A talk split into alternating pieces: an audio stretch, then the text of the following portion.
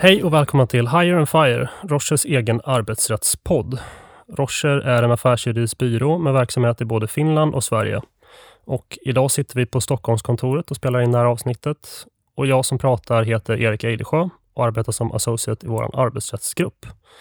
Och idag har jag med mig min kollega John Park som precis som jag gör premiär i vår podd. Eh, vem är du John?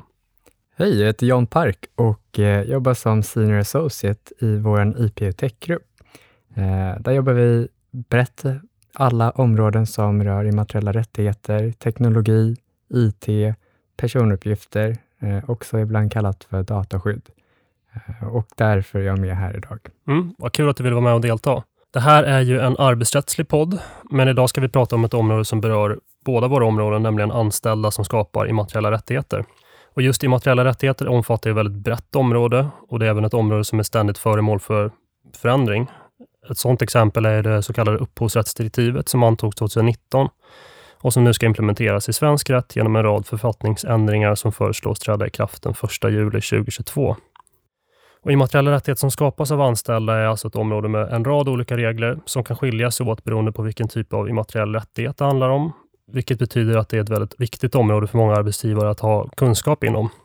Delvis mot bakgrund av de stora värden som immateriella rättigheter har för en arbetsgivare, men även mot bakgrund av att många arbetsgivare, åtminstone i min mening, antingen inte har tillräcklig kunskap om regelverken bakom de här immateriella rättigheterna, eller att man helt enkelt förbiser reglerna och tänker att ja, men det är klart att de här immateriella rättigheterna tillhör mig, när de är skapade av en, en av mina anställda helt enkelt. Så idag tänkte vi prata lite om vad du som arbetsgivare ska tänka på för att skydda några av de här viktigaste immateriella rättigheterna som skapas av anställda i bolaget. Men om vi börjar väldigt grundläggande.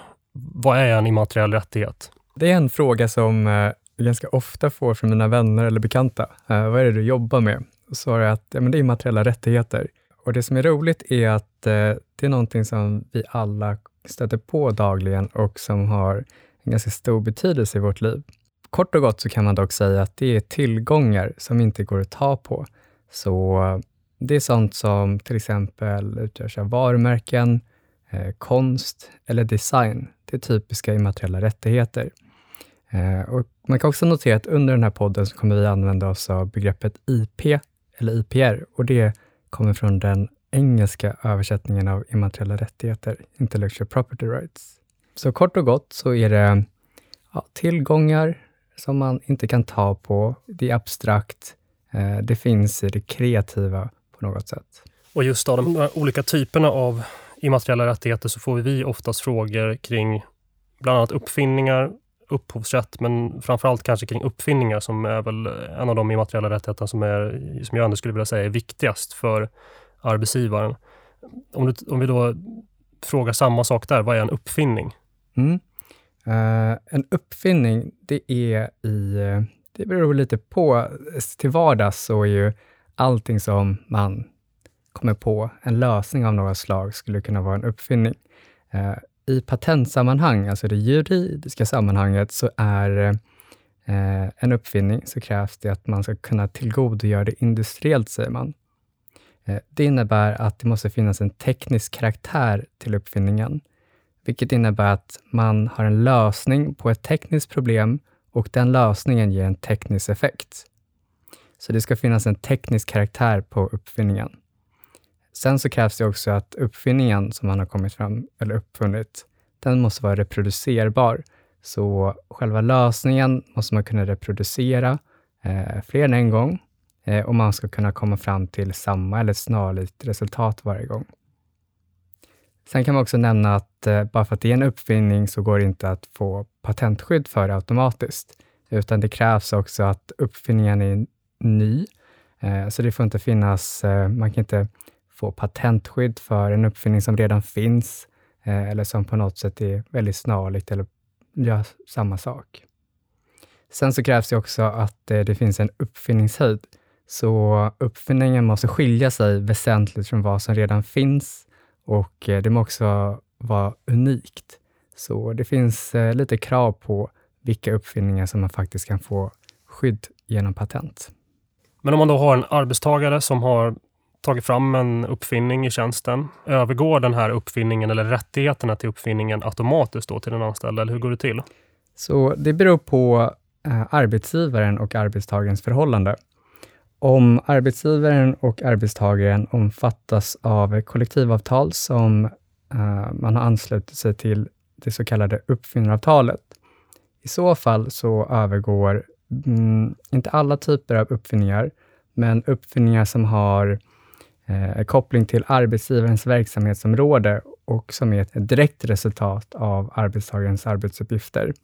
Till de uppfinningarna så förvärvar arbetsgivaren automatiskt rättigheterna till uppfinningen.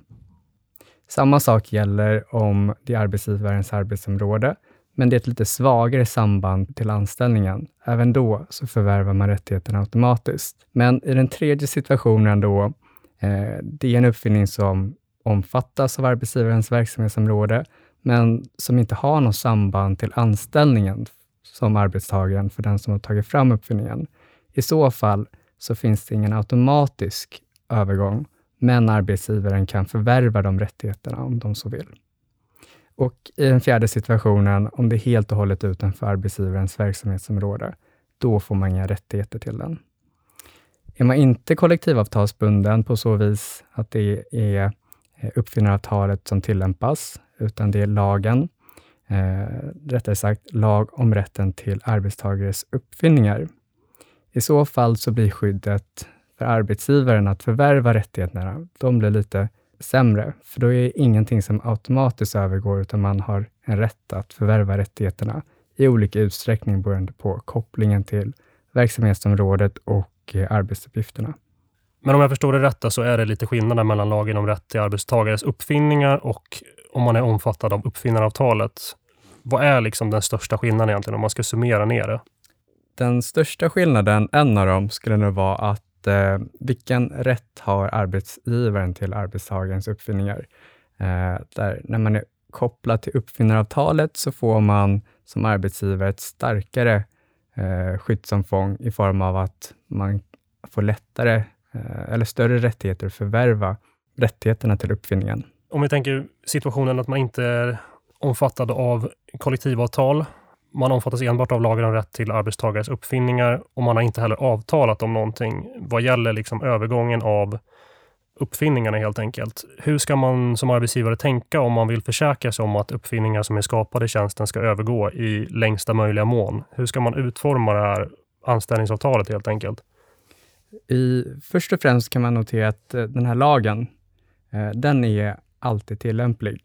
Så på så sätt så har man som arbetsgivare alltid ett visst skydd. Men det som kommer styra på vilket sätt eller omfattningen av de, de ramverket för vilka uppfinningar som man kommer få förvärva, eh, det kommer bestämmas utifrån i anställningsavtalet till exempel, vilka arbetsuppgifter har man gett arbetstagaren? Eh, I vissa situationer så kan det hända att det förändras över tid, men då är det viktigt att man dokumenterar vilka uppgifter som man har gett till arbetstagaren så att det också går att knyta an till själva uppfinningen Eh, när den väl finns. Sen finns det också möjligheter att eh, i anställningsavtalet stärka de här rättigheterna till arbetstagarens uppfinningar ytterligare genom att lägga till det som vi brukar kalla för IPR-klausuler, där man tydliggör, förtydligar, eh, sätter ramarna för vilka rättigheter som automatiskt övergår till arbetsgivaren och vilka skyldigheter man har som arbetstagare att hjälpa till eh, för att säkerställa att arbetsgivaren får de rättigheterna som man har avtalat om. Men finns det några begränsningar i vad man kan avtala om?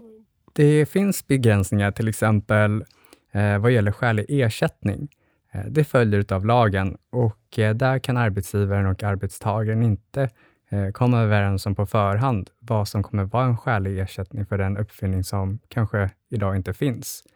Eh, med det sagt så innebär det inte att man i efterhand, när man har fått sin ersättning, eh, kan konstatera att man har fått skälig ersättning. Sen så finns det också begränsningar i vad man kan avtala kring konkurrensbegränsningar. Sen så finns det också eh, begränsning som är värt att notera att det generellt sett så blir villkor eller bestämmelser som strider mot kollektivavtal, de blir som utgångspunkt ogiltiga.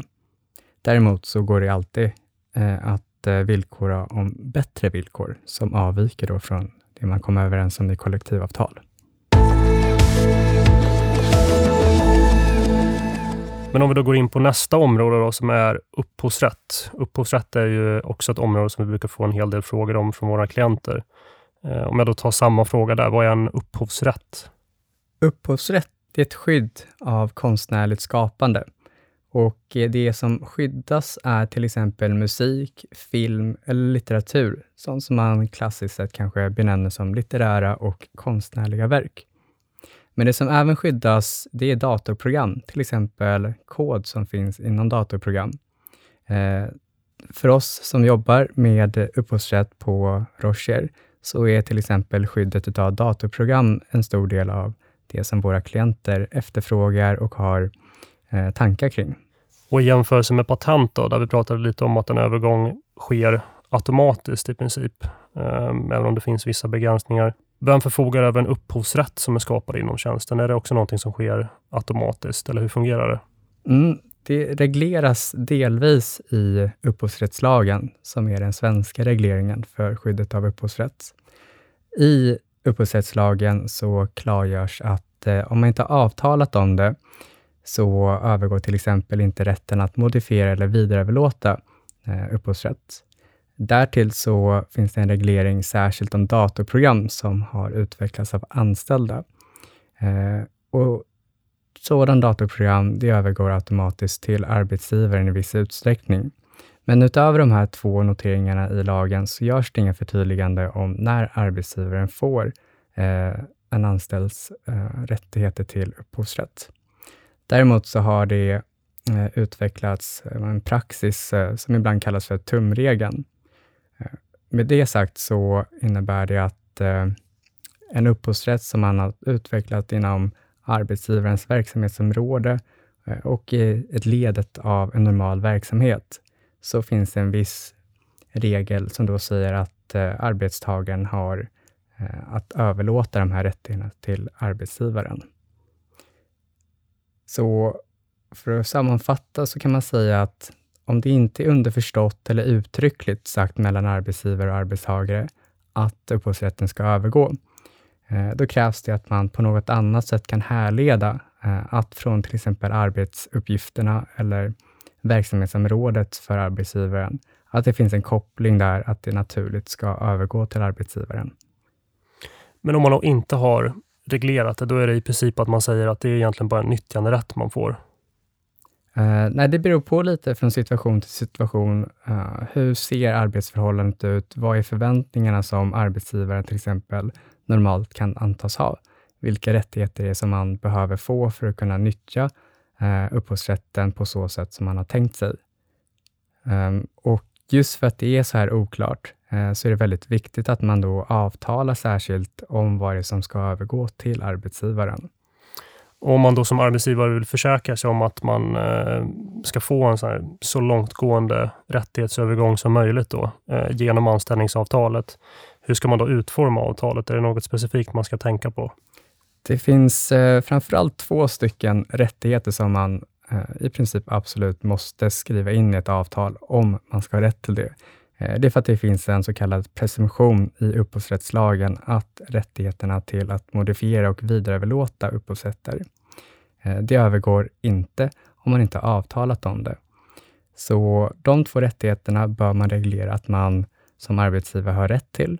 Eh, men framför allt så gäller det att anpassa de här skrivningarna i avtalen sett till vad är det som man behöver få från arbetstagaren och då tydliggör det. Och det här området är ganska juridiskt, så det är väldigt smart att ha eh, hjälp med någon som är kunnig inom det här området. För det händer ganska ofta att vi ser eh, eller granskar avtal som har tagits fram eh, där man ser brister, till exempel förhållande till upphovsrättslagen, där det finns tydliga krav på eh, vad som måste innehålla. Hur specifik måste man vara när man ska skriva in det här i anställningsavtalet? Man vet ju själv av egen erfarenhet att ibland stöter man på avtal där det bara står samtliga rättigheter övergår. Alltså, räcker det eller hur ska man utforma det? Så i slutändan så blir det alltid en fråga om avtalstolkning. Eh, och i en avtalstolkning så kan man ta in flera aspekter. Till exempel vad har man dokumenterat innan? Eh, vad har förväntningarna varit mellan arbetstagaren och arbetsgivaren? Eh, relationen mellan de två. Det kanske också har funnits korrespondens i form av mejl eller liknande, där man kan härleda vad som ska ha övergått och inte. Eh, så ju tydligare man är, ju specifikt, eh, klart och tydligt, desto lättare blir det eh, när, när situationen väl uppstår att konstatera vad det är som ska överlåtas och inte.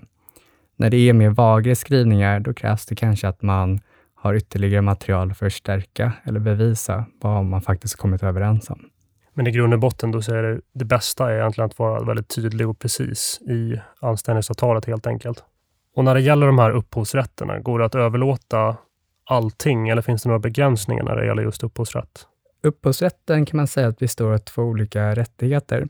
Eh, det ena är den ekonomiska rättigheterna eh, och den andra är det som kallas för ideella rättigheter. För de ekonomiska rättigheterna så finns det i princip inga begränsningar. Eh, till exempel att kommersialisera upphovsrätten, det kan man helt och hållet överlåta till arbetsgivaren utan begränsning. Däremot så finns det något som kallas för de ideella rättigheterna och eh, där brukar man dela upp det i två olika bitar. Eh, den ena är så kallad namngivelserätten och den andra är skyddet mot eh, att verket används på ett kränkande sätt.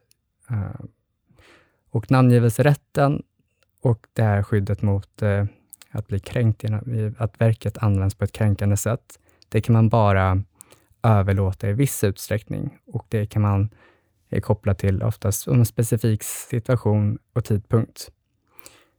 Eh, däremot så finns det också att eh, man ska kunna beakta god sed på marknaden. Så till exempel att namnge vissa rättigheter eller namnge verksmannen eller upphovsmannen det kanske inte alltid är lämpligt, till exempel om man har varit med och bidragit till att ta fram eh, ja, visst material, någonting som visas på tv-reklam, film till exempel. Eh, där ser man ju princip aldrig vem som har skapat det. Och det är för att det är en god sed på marknaden att man inte gör det och då behöver man inte göra det. Så i det fallet funkar det helt enkelt att avtala bort det när det gäller just sådana rättigheter? Ja, eller man behöver inte ens uttryckligen avtala bort det, utan eh, det följer av god sed till exempel och då behöver man inte göra det. Eh, I andra fall så kan man avtala om att man inte ska kanske ange namnet på ett visst verk när man trycker det. Eh, och då får man komma överens om det särskilt. Och sen har vi även varumärken och mönsterskydd.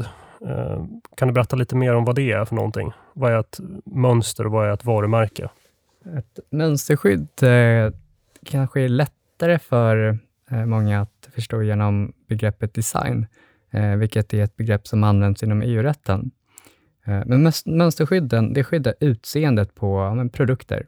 Eh, till skillnad från patent till exempel, som skyddar funktionen, så skyddar mönsterskyddet utseendet. Eh, varumärken, det är någonting som, lite enklare sagt, det är det som är själva varumärket eh, hos till exempel olika produktleverantörer eller... Eller som Rocher. Eller Rocher. så det är varumärken, varukännetecken som man antingen har skyddat genom att arbetat in varumärket eller för att man har registrerat det. Och hur ser det ut för en arbetstagare som har tagit fram ett mönster eller ett varumärke? Vad gäller det för skydd där? Övergår det också automatiskt eller finns det några begränsningar där? På de här två områdena så finns det inte en lika accepterad generell princip för hur rättigheterna till mönster respektive varumärken ska övergå till arbetsgivaren. Framförallt så kan det nog bero på att eh, det inte är reglerat i lagen uttryckligt vad som gäller, eh, men också för att eh, det är sällan det här blir ett eh, område som är problematiskt. Ehm, för när man tar fram mönster eller varumärken så finns det någon viss form av presumtion, eh, både från arbetstagarens håll och arbetsgivaren, att det ska övergå automatiskt till arbetsgivaren. Eh, men i de fall det blir otydligt så får man eh, falla tillbaka på en allmän avtalstolkning. Eh, vad är man avtalat mellan arbetstagaren och arbetsgivaren? Så även i den meningen så är det väldigt viktigt att man reglerar det genom anställningsavtalet helt enkelt, så att rättigheterna övergår. Precis, och det är det absolut enklaste sättet att undvika missförstånd och hålla det tydligt mellan parterna. Nu har vi berört vad som gäller för anställda. Men just i vår verksamhet så är det även vanligt att vi får in klienter som tar hjälp av konsulter. Och vad är det då som gäller om man har tagit hjälp av en konsult? Eh, de här rättigheterna som vi har pratat om nu, övergår de automatiskt eller vad är det som gäller då? Som vi har pratat om nu så är det i många delar mm, alla de här immateriella, immateriella rättigheterna som det inte är alltid tydligt vad som övergår automatiskt och inte. Eh, och vi har också klargjort att det är viktigt att avtala om det. Eh, för grund och botten så blir det allt som oftast en avtalstolkning. När det gäller just eh, konsulter eller annan bemanningspersonal som man har hyrt in, så blir situationen ännu starkare, att man måste vara ytterligare tydligare genom att man har skrivit i avtal, att man har kommit överens om vad det är som ska överlåtas och inte. För gentemot konsulter och bemanningspersonal eller annan resurs som man har hyrt in, så är det inte lagreglerat vad som gäller. Så det korta svaret är att Eh, det blir ännu viktigare att man tydligt kommer överens om vilka rättigheter som arbetsgivaren ska ha rätt till. Om inte för att undvika att de där immateriella rättigheterna annars tillfaller konsultbolaget helt enkelt. Precis, så utgångspunkten kan man hålla i huvudet att det är eh, Eh, konsultbolaget eller konsulten själv som har rättigheterna till det som man har skapat. Men om vi då summerar allting det här så kan man väl säga att för vissa immateriella rättigheter så finns det ett visst skydd. Att vissa immateriella rättigheter tillfaller arbetsgivaren, ibland begränsat, ibland inte. Men att det är väldigt viktigt att man reglerar det på något sätt genom ett anställningsavtal för att få en fullständig eller åtminstone en så långtgående övergång som möjligt. Men om man då tittar på den här IPR-klausulen, den här immaterialrättsklausulen som man ska ha i anställningsavtalet, hur, hur, hur ska man utforma den då, om man ska summera det lite kort? Det är mest effektiva sättet, som du säger, hur, att säkra immateriella rättigheter är genom en sån här IPR-klausul. Och Den klausulen kan man antingen utforma på ett standardiserat sätt, om man inte vet på förhand vilka typer av immateriella rättigheter en arbetstagare kommer att ta fram. Eh, och I så fall så kan man skriva det ganska generellt och brett, att det till exempel ska gälla alla immateriella rättigheter och som vi nämnde specifikt i förhållande till upphovsrätt, så vill man också klargöra vilka rättigheter som man har rätt till och då framför allt att man förtydligar rätten till att modifiera och vidareöverlåta, vilket är viktigt ur eh, kommersialiseringshänseende. Utöver att eh, specificera vilka immateriella rättigheter och vilka rättigheter till dem som man har rätt till, så kan man också bygga vidare på de här klausulerna och konstatera eh, i vilken utsträckning den arbetstagaren ska vara behjälplig i att skydda arbetsgivaren så att man kan tillförsäkra sig immateriella rättigheterna, men även att man ska hjälpa till att till exempel registrera registrerbara immateriella rättigheter. Och Det går också att koppla till eh, Eh, både under anställningstiden, men även efter anställningstiden. Eh, och Då kan man också ytterligare gå steget vidare och avtala om man har rätt till kompensation om man hjälper till efter anställningens upphörande eller om det ska ske som en del av den kompensation som man har fått under sin tid som anställd. Precis, och det är ju viktigt av skälet också att en anställd, när anställningen upphör, inte har någon lojalitet gentemot sin arbetsgivare längre, eftersom det inte är ens arbetsgivare. Så att vill man att den anställde ska vara med och medverka i att säkerställa att den materiella rättigheten överförs efteråt, då måste man reglera det. Eh, sen kanske man också kan tänka på att det här är inte en obegränsad rätt, utan det måste fortfarande vara skäligt. Ibland stöter man på avtal som bara säger att den anställde ska hjälpa till med att säkerställa att de immateriella rättigheterna överförs efteråt utan någon form av begränsning. Eh, och man kan ju tänka sig flera situationer där, där det till exempel är en immateriell rättighet man tvistar om och att det blir en rättegång och att den anställde, eller före detta anställde i det här fallet, tvingas vara med på rättegången och vara med och kommentera på yttranden och så vidare. Eh, då kanske man inte skulle anse att det är skäligt att, den, den, att det kan krävas av den anställde helt, helt enkelt, utan det ska ske i skälig omfattning helt enkelt. Om man vill att den anställde ska delta i större omfattning så tror jag i sådana fall att då måste man avtala på något sätt om att den anställde ska ha rätt till ersättning för det, om det är utöver skälig omfattning helt enkelt. Precis, och eh, det gäller också att man är lite smart i sammanhanget en för detta anställd som kanske blir indragen i en rättslig process och behöver medverka under kanske flera månader. Eh, den personen kan man väl anta inte är så taggad eller engagerad på att hjälpa till utan att få kompensation. Eh, så från arbetsgivarens sida kan man också tänka att det finns en viss poäng utöver att det är skäligt, eh, att det är också ett incitament till att få ut med så bra hjälp som möjligt. Precis, det blir som en morot kan man säga. Exakt. Men om vi då summerar det här väldigt kort. Eh, viktigt att vara tydlig i anställningsavtalet rörande de immateriella rättigheterna och dels är det av två skäl. Dels för att vi, precis som vi har pratat här om, att man vill försäkra sig om att alla immateriella rättigheter övergår så långt som de kan till arbetsgivaren. Men också att man vill vara tydlig mot arbetstagaren helt enkelt om vad som gäller och vilka rättigheter som övergår. Och det handlar ju delvis om att undvika att arbetstagaren nyttjar eller sprider de här, så att det, det är tydligt redan från början helt enkelt. Och med de orden så knyter vi ihop säcken för dagens avsnitt. Men hör gärna av er om ni har några kommentarer om dagens avsnitt eller några önskemål om ämnen på framtida poddavsnitt. Våra kontaktuppgifter till mig och till John hittar ni på vår hemsida, rocher.com. Vi ses snart igen. Hej då! Hej då!